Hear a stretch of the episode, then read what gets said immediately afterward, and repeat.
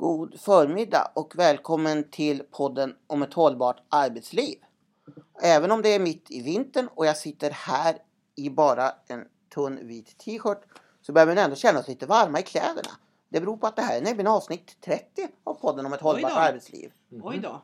Bara om podden om ett ar- hållbart arbetsliv. Och så har vi gjort poddar förut om det åldersmedvetna ledarskapet. Yes, yes, så vi är uppe i över 40 poddar. Intressant. Opsi popsi. Och vilka är vi då som säger att vi är uppe i över 40 poddar? Det är ju våra två experter som sitter här. Till, till, där sitter Barbro Skoglund. och Kaj Skoglund. Och jag som heter Johan Skoglund är programledare. Vi kommer alla från Nation Management Sverige AB. Och för att minska förvirringen bryr jag mig inte om att säga till vem som sitter till vänster och till höger. För det ser ni ändå inte. Utan om ni är intresserade av vänster och höger får ni fokusera på riksdagsvalet i höst. Vi Ja, bryr oss det- inte om det här. Det var förra podden som det där blev lite roligt Ja. faktiskt. Ja. Mm. Mm. Och i dagens podd så ska vi faktiskt eh, ägna oss åt varningar och disciplinära åtgärder. Och jag frågade förut vem ska börja prata? Det vill jag göra, sa Kaj och satt med en bunt papper framför sig. Så jag lämnar väl enkelt över ordet till Kaj då. ja, det brukar jag, vara jag som står för, för byråkratin i det här sammanhanget. Du är vår, du är vår boendebyråkrat. Det vet jag ända sedan jag var liten. Jajamensan, absolut. Ja, I den bästa av världar eh, så är det ju så att relationen mellan arbetsgivare och medarbetare och anställda och även anställda sinsemellan fungerar utan allt för stora friktioner även om det alltid på en arbetsplats av och till kan uppkomma slitningar. Men tyvärr är det ju så att ibland så går det inte riktigt så bra. Och det kan ju finnas olika skäl för det. Och helt enkelt så att en arbetsgivare inte är nöjd med en anställd. Det kan vara en mängd olika orsaker till det. Det kan vara att man arbetsgivare tycker man presterar för dåligt eller att man av någon anledning inte vill följa gängse riktlinjer på arbetsplatsen. Det kan handla om illegal ogilt, ogiltig frånvaro och, och en massa annat. Och det naturliga i ett sånt här sammanhang är ju att arbetsgivaren då tar ett samtal med, med den enskilde medarbetaren och påtalar vad som eh, Eh, vad man inte är nöjd med. Och det här är inga konstigheter och det här är inte reglerat i någon lagstiftning eller kollektivavtal. Men ibland är det tyvärr så att det inte räcker med detta utan att eh, det fortsätter. Eller att det händer någonting väldigt dramatiskt eh, där en arbetstagare gör sig skyldig till någon mer, mer grövre sak. Och då är det så att, att det som är reglerat i lagstiftning och i kollektivavtal och framför mig har jag som ett exempel det som heter allmänna bestämmelser och det som är det kollektivavtal som gäller för anställda i kommuner, landsting och regioner som är en ganska stor del av den offentliga sektorn. Och då heter det så här att en arbetstagare som, som i arbetet gjort sig skyldig till fel eller försummelse kan meddelas disciplinpåföljd i form av skriftlig varning. Och det här är en första sak att vara medveten om att skriftlig varning är noga reglerat och man, en muntlig tillsägelse, ett, det vi brukar kalla för tillrätta, en medvetandegörande samtal. Eller korrigerande Inte samtal. en, ett medvetandegörande ett samtal. medvetande. Eller, Ja, eller ett korrigerande samtal. Det finns många får i vår Herres hage ute i arbetslivet vad arbetsgivare har bestämt Ja. sig för att kalla den, eh, det här samtalet som inte är ett formellt, eh, en formellt samtal enligt ett kollektivavtal. Ja. Det är ju det det här är frågan om. Och det finns e- också någonting som kallas för lasvarning som vi inte ska gå in på något närmare men som inte är reglerat i, i, i kollektivavtal Nej. eller lagstiftning uttryckligen. Men den disciplinpåföljden i form av en skriftlig varning det har en fördel. Det är ju en allvarlig eh, åtgärd men samtidigt finns ju en trygghet för den enskilde. Man, det finns reglerat i, lag, i kollektivavtalet hur det ska gå till. Den fackliga organisationen har rätt att yttra sig liksom arbetstagaren. Eh, och den lokala arbetstagarorganisationen har ett tolkningsföreträde intill dess att överläggningarna är avslutade. Så man kan väl säga att det, det, fördelen med en skriftlig varning i förhållande till andra typer av ska vi säga, långtgående Inskränkningar, inskränkningar är väl att den är Mm. tydligt reglerad. Eh, sen får man inte, om, och här är en, en, ett problem för en arbetsgivare kan vara att om en anställd har gjort sig skyldig till någonting som man misstänker är brottsligt. Om man då anmäler det till polis eller åklagare då får man inte inleda eller fortsätta disciplinärt förfarande med anledning av den förseelsen för då ska det prövas i rättsväsendet. Och det kan, vara, det, det kan betyda att arbetsgivaren väljer att avstå från att polisanmäla för att kunna utdela en varning. Ja, Å andra sidan så är Mm. det så här. För nu var jag klar. Ja, å andra sidan är det så här att om arbetsgivare eh, att det kan bli lite fort och fel. Det vill Mm. säga man, anmäl, man polisanmäler en företeelse utan att ha, ha tänkt till. Mm. Eh, och det här, vi, vi har egen erfarenhet utav det här att Mm. ha kommit ef- efteråt. När det visar sig att eh, det, det fanns ingen anledning till poli, polisanmälan för den här eh, företeelsen som fanns på den här arbetsplatsen eh, som hade pågått under en ganska lång följd av år eh, var inte alls kopplat till, till den typ av kriminalitet eller den typ av Mm. lagbrott som arbetsgivaren hade fått för sig att det var. Mm.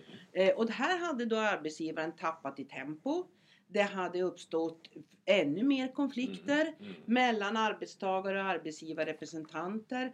De fackliga var med. Det var kan man säga en, en ganska eh, Kafkaartad situation. Mm. Därför att det hade blivit fort och fel. Mm. Om den här arbetsgivaren hade fått dålig rådgivning eller om man hade hittat på det själv, det, det förtäljer inte historien.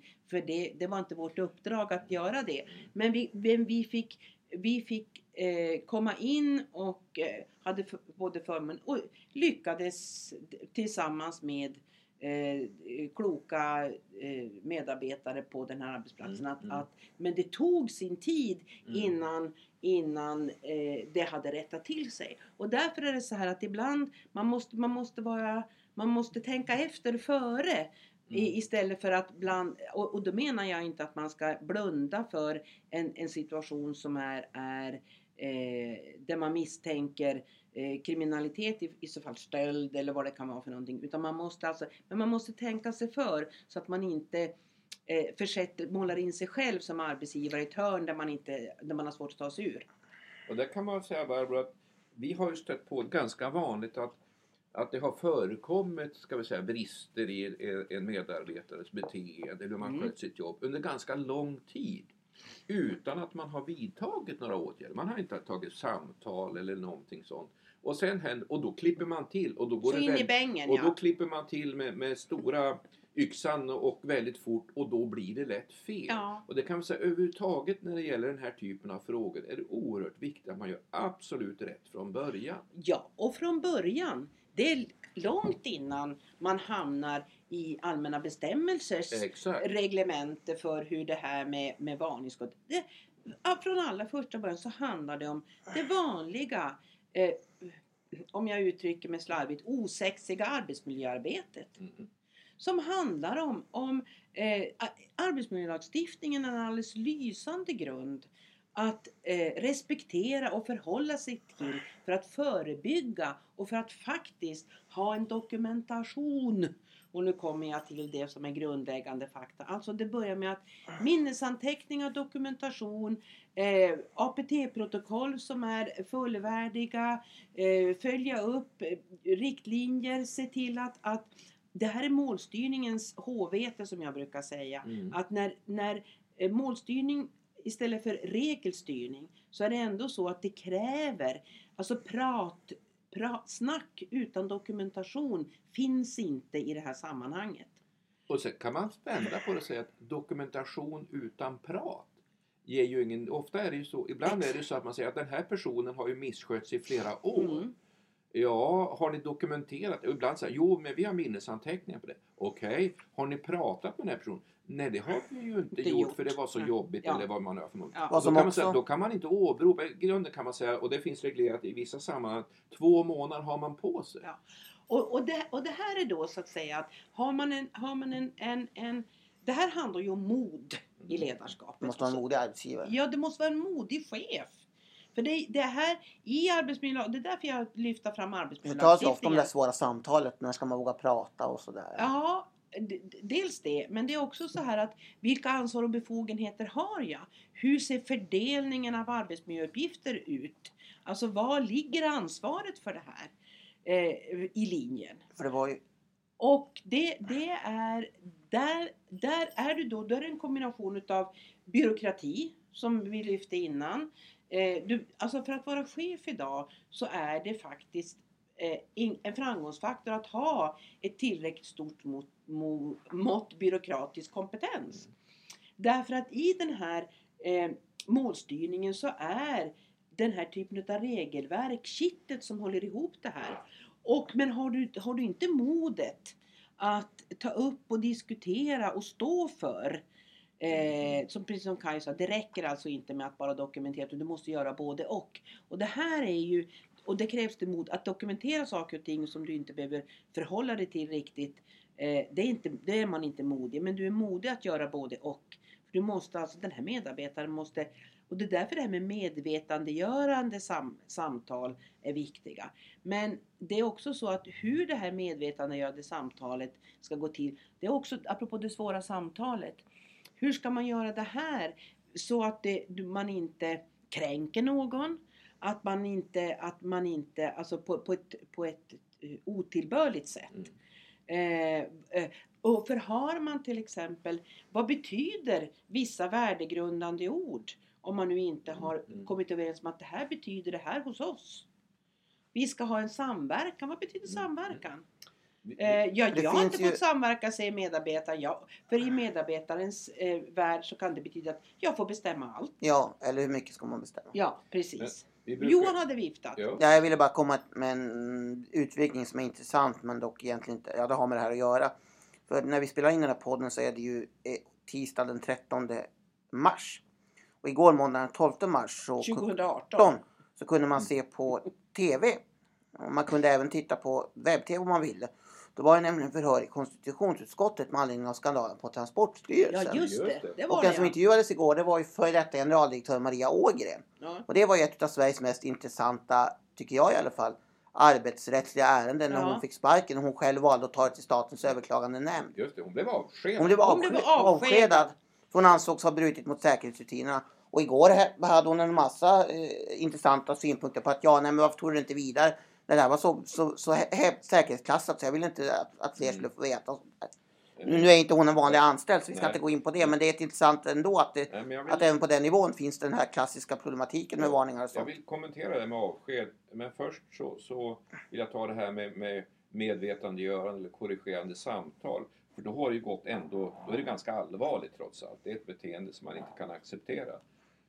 Och då rekommenderar vi alltid att när man ska ha det så ska man kalla, erbjuda den, den anställde att ha med sig till exempel en facklig företrädare. Att man skriver minnesanteckningar Ja. som båda parter skriver under. Så att då är man överens om att det här sades och sen kan det hända att man har olika uppfattningar om vad som har hänt och då dokumenteras det. Men det här med avsked, får jag bara nämna det att eh, när man måste skilja en medarbetare från arbete, man, när det har gått så snett, då kommer ju det här med lagen om anställningsskydd och in, det- in det här med saklig grund. Och det näst mest långtgående, det är att bli uppsagd av personliga skäl. Men det allra värsta, det är att bli avskedad. Och då krävs det väldigt grova Ja, alltså det, eh, det värsta, du menar det allra grövsta? Det allra grövsta. Det, är Ja. ur, ur, det, det mest Ja. långtgående är att då skiljs du från arbetet exakt. Vi avskedar och dig, du får gå här och nu, du får ingen lön under uppsägningstiden. Det får man däremot om du är uppsagd av personliga Och det var det precis och då tänkte jag bara säga att idag i morse på, på nyheterna så kom det ett exempel på ett avsked. Och där man kan säga att det var så grova eh, för Mm. ett så grovt missförhållande. Så det är mycket, mycket sannolikt att det håller för det kan ju prövas ytterst av Och det var en inspektör Det på... var en, en, skol, en inspektör på Skolverket där man upptäckte att vederbörande hade eh, läst eh, barnpornografiskt material på, sin da, sin, på tjänstetid på sin dator. Och då blev det avsked. Det kan man säga, det är ett typexempel på ett avsked motiverat. Men till sist, ett när det, är, det gäller den här typen, oavsett om det är varning, disciplinpåföljd eller går ännu längre, då råder vi alltid att man måste vara säker på att göra rätt och därför måste man vara säker på att man har som arbetsgivare att man har det, det arbetsrätt, den arbetsrättsliga kunskapen för att hantera det här. I de större organisationer kan det finnas internt, annars måste man anlita någon extern arbetsrättslig kompetens. Det är så här också. Mm. Att om man som första linjechef Mm. i en organisation känner sig lite osäker Mm. på att den inte... Nu är vi ute på djupa vatten här men det här är viktigt. Känner sig lite osäker på om den interna kompetensen som finns i den egna organisationen räcker till. Mm. Så bör, och jag som chef, jag har en egen facklig organisation ofta som faktiskt organiserar ledare. Jag har också möjlighet att, att externt eh, kontakta arbetsrättsliga kompetenser som finns utanför min egen organisation. Under förutsättning att det kan kräva en LOU-upphandling om det, Det kan, dyrt. också, det kan också, det, kan det också Mm, vara. ja. Absolut. Men i och med att det, i, i, det- det här handlar om vad jag har för ansvar och befogenheter på första linjen. Om det är jag i min roll som enhetschef, verksam, eller vad, vad det kallas i den här organisationen, som linjechef, skriver under det här. Mm. Då är det mitt namn, det är inte rådgivarens namn eller så här, som, som bär ansvaret utan det är min funktion i den rollen som, som jag gör det här. Så kan och det. där, därför bör, det är mitt absoluta förslag, till och med råd, att jag måste vara säker på att de, de råd jag har fått är adekvata för situationen. Ja, när det gäller så långtgående ingrepp som disciplinpåföljd och ännu värre, då måste det ju finnas ett regelverk inom organisationen eller företag, vem som äger rätt att utfärda. Mm, För den som äger rätt att utfärda ett, fastställa ett sådant beslut måste ha tillräcklig kunskap och vara säker på att man gör rätt. ja, Annars blir det fel Men- och det blir ofta fel. och det blir ofta För det var Därför ju- att Kostar man- pengar? För jag skulle Där- vilja... Där, jo, därför att man har, allt, man har inte alltid tänkt hela tanken ut när man ger eh, en li, linjechef långt ut i organisationen de, de här ansvaren och befogenheterna. Mm. Ja, Yes. nu blev det Jo, tyst. jo, jo, nu- Jo, jag hade ett, för jag vill bara ta upp det för att den som tittade på SVTs dokumentärserie Domstolen för två program sedan som vi följer domstolarna kunde ju se det här fallet som har varit mycket uppmärksammat på Gotland.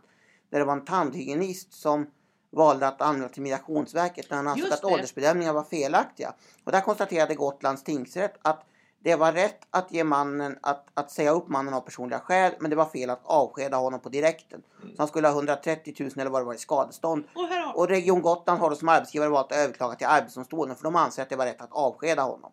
Så där, och där fallet är ännu inte avgjort. Intressant att se det vad är man kommer fram väldigt, till. det är precis det kan, vilken bra avslutning på det här. Mm, tänkte det det. praktiska dag, dagliga liv. För det där var ju som Och när det här spelas in så finns programmet fortfarande att ses på SVT Play så den som vill kan gå in och se. Ja. Och där får man även höra rådmannen Mikael Mellqvist eller vad han heter berätta om hur man resonerade i det här fallet, hur man kom fram till domen. Så det är väldigt pedagogiskt avgörande. Visst är det också så att, Första att Region delen- Gotland Ja. eh, är intervjuade va? Nej, men man får ju höra för rättegången båda parters ståndpunkter. Okej, okej, ombuden. ja. Och första delen av programmet handlar för övrigt också om arbetsrätt. För det handlar om det här med samvetsfrihet och barnmorskor. Men det är något helt annat. Ja. Ja. Men om vi lämnar det nu ska vi titta på vad nästa program ska handla om. Ja, Ja. Jag sitter nämligen här med ett pressmeddelande som jag ska be att få läsa början av. Det kom den 18, 8 januari i år och är från Diskrimineringsombudsmannen. Och låter så här. Nya lagkrav har inte lett till förändrat arbetssätt. Trots att det nu har gått ett år sedan nya lagkrav på arbetsgivarens förebyggande arbete för att motverka diskriminering kan, infördes kan 60% av arbetsgivarna inte nämna något av de nya kraven. Endast var fjärde svarar på att förändringarna har lett till förändrade arbetssätt. Det visar en ny enkätundersökning från DO. Och det var 20, 1 januari 2017 som infördes nya regler i diskrimineringslagen avseende arbetsgivares och utbildningssamordnares skyldighet att arbeta förebyggande och främjande för att motverka diskriminering och för lika rättigheter och möjligheter, det som lagen heter aktiva åtgärder. Och i och med en- lagen omfattas alla sju diskrimineringsgrunder av kraven och arbetet ska utföras löpande. Och eh, varför vi tycker att det här är så intressant att ta i nästa podd, det är för att jag sitter också här med, med en bok som heter Diskrimineringslagen. Oj, och varje chef måste veta utifrån på kommunlitteratur. Och vem har skrivit den? ja, det kan man fråga. Vad står det? Det, vad står det på den? Det står, Varje chef måste veta. ja, Och om vi säger så här att det är två personer här som ska säga tack och hej, som också står på boken. De heter, Barbro Skoglund. Och Kaj Skoglund. och jag Johan Skoglund, därför passar det bra att författarna får utveckla om den här nya DO-grejen. Ja. Nästa Det gör avsnitt. vi gärna.